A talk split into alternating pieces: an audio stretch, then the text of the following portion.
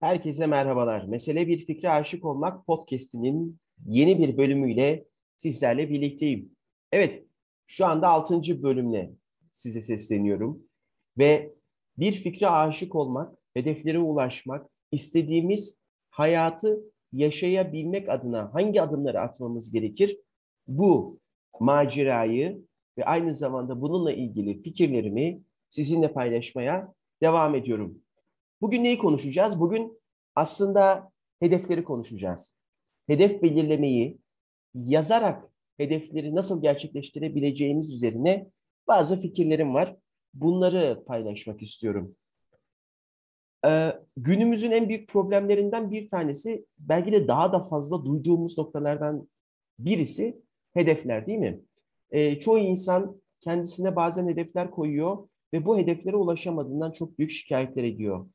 Ee, öyle hedefler koyuyor, öyle büyük hedefler koyuyor ki birkaç denemeden sonra kendi hevesini kırıyor ve o hedefi gerçekleştiremeyeceğine inanıyor ya da kendisini inandırıyor. Ya da öyle hedefler belirliyoruz. E, o belirlediğimiz hedefler de aslında çok basit hedefler oluyor, kolay hedefler oluyor. Gerçekleştirdikçe kendimizi iyi hissetmemiz gerekirken aslında elde ettiğimiz sonucun ve başarının bize çok büyük bir katkısı olmadığını düşünüyoruz. Bir de şöyle de bir durum var güzel insan. Hedef belirlemek evet önemli ama belirlediğin hedefe ulaşabilme yollarını ve stratejilerini de doğru ortaya koyabilmek çok çok önemli. Başarılı insanların hayatlarına baktığımız zaman netlikleri görüyoruz. Çünkü sen hayata ne kadar net olursan hayat da sana o kadar net olur. Bu iki kere iki dört şaşmaz bir kuraldır. O yüzden Jim Rohn hani çok sevdiğim bir sözü var. E, görüştüğünüz beş kişinin ortalamasısınız diyen kişi aynı zamanda e, disiplin ve hedeflerle ilgili de şöyle bir cümle kurmuş. Disiplin hedefler ve başarı arasındaki köprüdür. Evet, hedef belirlemek bir yere kadar. O hedefi belirleme, ulaşabilme noktasına atacağınız adımları, yolu belirleme bir yere kadar. Ama eğer bunun için e, içsel disipline sahip değilseniz, o içsel disiplini işletemiyorsanız, içsel odaklı değilseniz, işte orada biraz zorlanacağız. O yüzden hedefleri belirlerken, bu yolculukta giderken Wayne Gretzky'nin çok güzel bir sözü var. Kullanmadığın her fırsatı kaçırıyorsun diyor. Bunu söylerken de aklıma yine belki önceki podcastlerde bahsetmiştim. Tam olarak hatırlamıyorum. Ee, Paolo Celo'nun çok hoş bir sözü var. Diyor ki orada insanlar fırsatları bekler, fırsatlar insanları bekler. İnsanlar bekler, fırsatlar bekler. Kazanan hep mazeretler olur. O yüzden bizim kullanmadığımız aslında her fırsat e, bizim hayatımızda hedeflerimize ulaşırken e, bizi bir adım daha geride bırakan e, bir nokta. Şimdi e, sosyal medya hesaplarımda paylaşmıştım bundan çok çok zaman önce. Yüzde üç faktörüden bahsetmek istiyorum. Nedir bu yüzde üç faktörü? Yetişkinler sadece yüzde üçü yazılı hedefleri ve planları varmış. Yetişkinlerin bakın. Sadece yüzde üçü. Ve bu yüzde üç aslında diğer yüzde 97'nin toplamından daha fazla bu hayatta başarılı, belki daha fazla para kazanıyor, belki daha çok istediği işi yapıyor, belki daha çok o aşık olduğu fikrin peşinde koşuyor. O yüzden hedefleri yazmak çok önemli. Hedefleri yazarak ilerlemek çok önemli. Çünkü yazılı olmayan ve planlara dönüşmeyen hedefler şuna benziyor güzel dostum. Kovanda hani kurşun tozu bulunmayan mermiler gibi. Tamam mı? Yazılı hedefleri olmayan insanlar hayata sürekli boş atışlar atıyorlar. Boş atış yapıyor sürekli. Hedefleri olduğunu sandıkları için de böyle herhangi bir zorlukla karşılaştığında ya da disiplin gerektiren bir hedef belirleme gayretini göstermiyorlar. Oysa bu o başarıyı gerçekleştirebilmenin en temel becerilerinden bir tanesidir.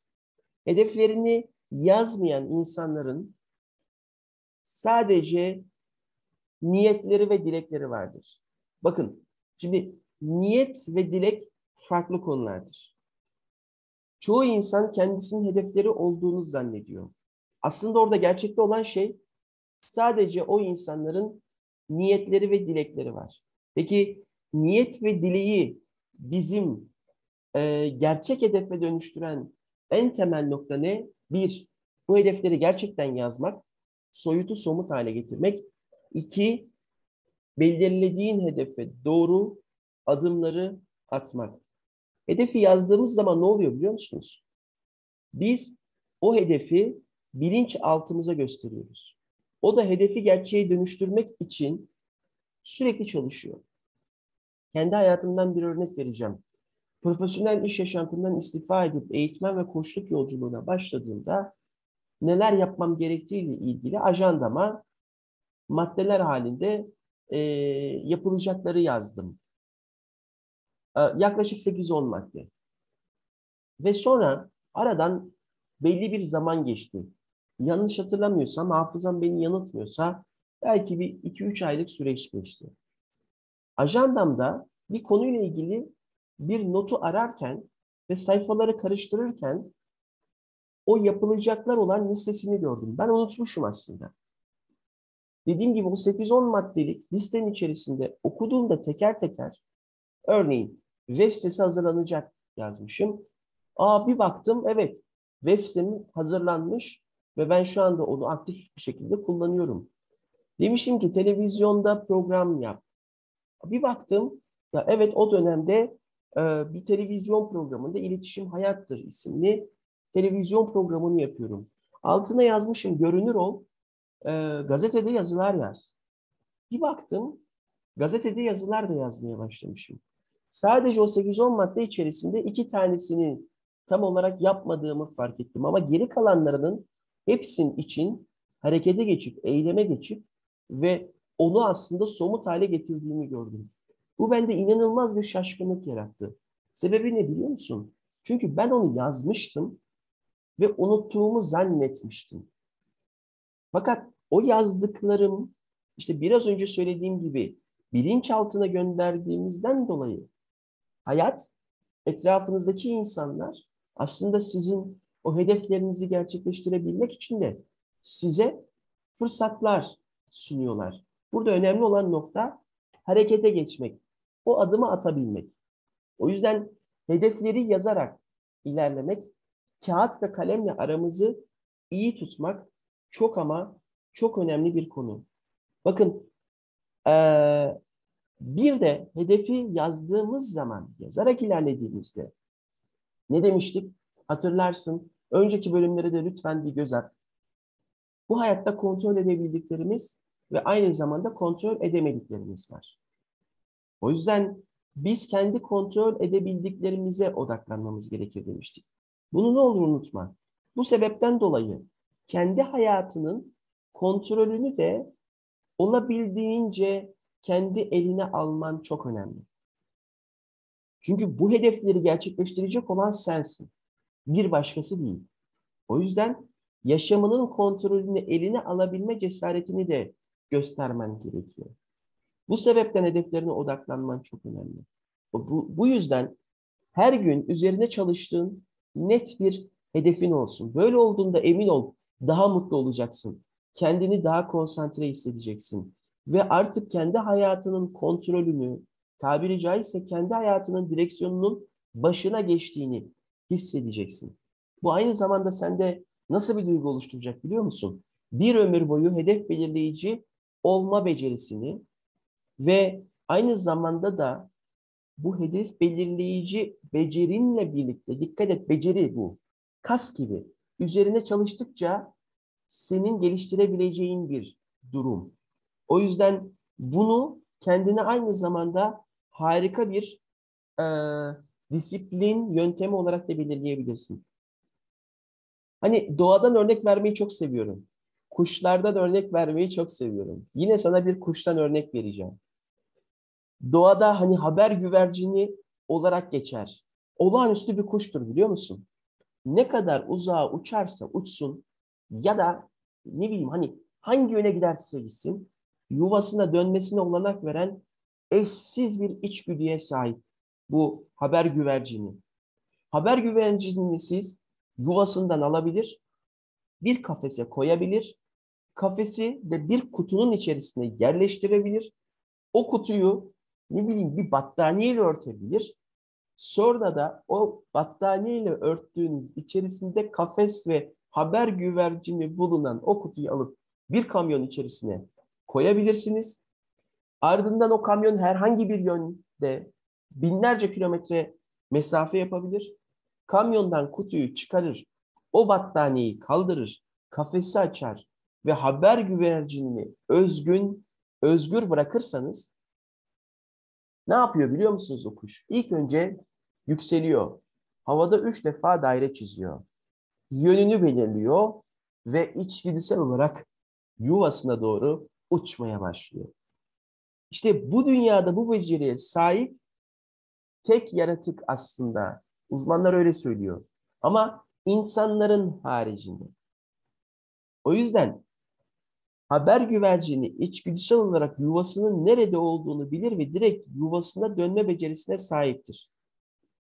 İnsanlar da zihinlerinde bir hedef belirler ve nereye gideceklerini ya da o hedefe nasıl ulaşacaklarına dair akıllarında tek bir fikir olmadan harekete geçerler. Tarihte birçok örneği var. Birçok örneği var bunun. O yüzden güzel dostum, yapılacak olan en temel nokta şu. Aşık olacağın fikri bulduktan sonra seni o hedefine ulaştıracak hayalini lütfen kur. Hayal kurmak. Bunu ayrıca da konuşacağız. Üzerine konuşmayı çok sevdiğim bir konu. Çünkü biliyoruz ki hedefler hayallerden oluşur. Sonra lütfen o hayaline doğru giderken, o aşık olduğun fikrin peşinde koşarken hedeflerini sadece düşünme. Sadece düşünme. Hedeflerini lütfen yaz. Kalem ve kağıtla aranı lütfen iyi tut.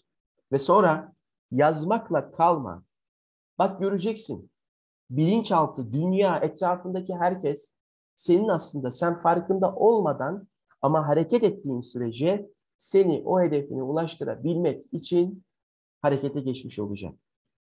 Sonrasında da teker teker zaman geçtikçe o yazdığın hedeflerin hepsini teker teker gerçekleştirdiğini göreceksin. Vazgeçmediğin ve pes etmediğin sürece. Buraya çok dikkat et. Niyet, biraz önce söyledim. Niyet ya da bunun gibi benzer duygular aslında hedef değildir. Lütfen karıştırma olur mu? Niyet ya da dilek. Önemli olan nokta hakikaten o hedefine ulaşmak için attığın adımlardır. Yine benim için güzel bir kayıt oldu, güzel bir podcast oldu. Çok teşekkür ediyorum bana bu yolculukta eşlik ettiğin için. Sosyal medya hesaplarımdan bana ulaşabilirsin. Twitter, Instagram, LinkedIn, Facebook hepsinde Eren Gökyer olarak arattırdığında beni karşında bulabileceksin. Aynı zamanda podcast ile ilgili ya da konuştuğumuz konularla ilgili eleştiri ya da önerilerin varsa ya da sormak istediğin sorular varsa erenet erengokyer.com adresine de mail atarak bana ulaşabilirsin. Yeni bir podcast'te görüşünceye kadar gönülden selam ve sevgiler iletiyorum.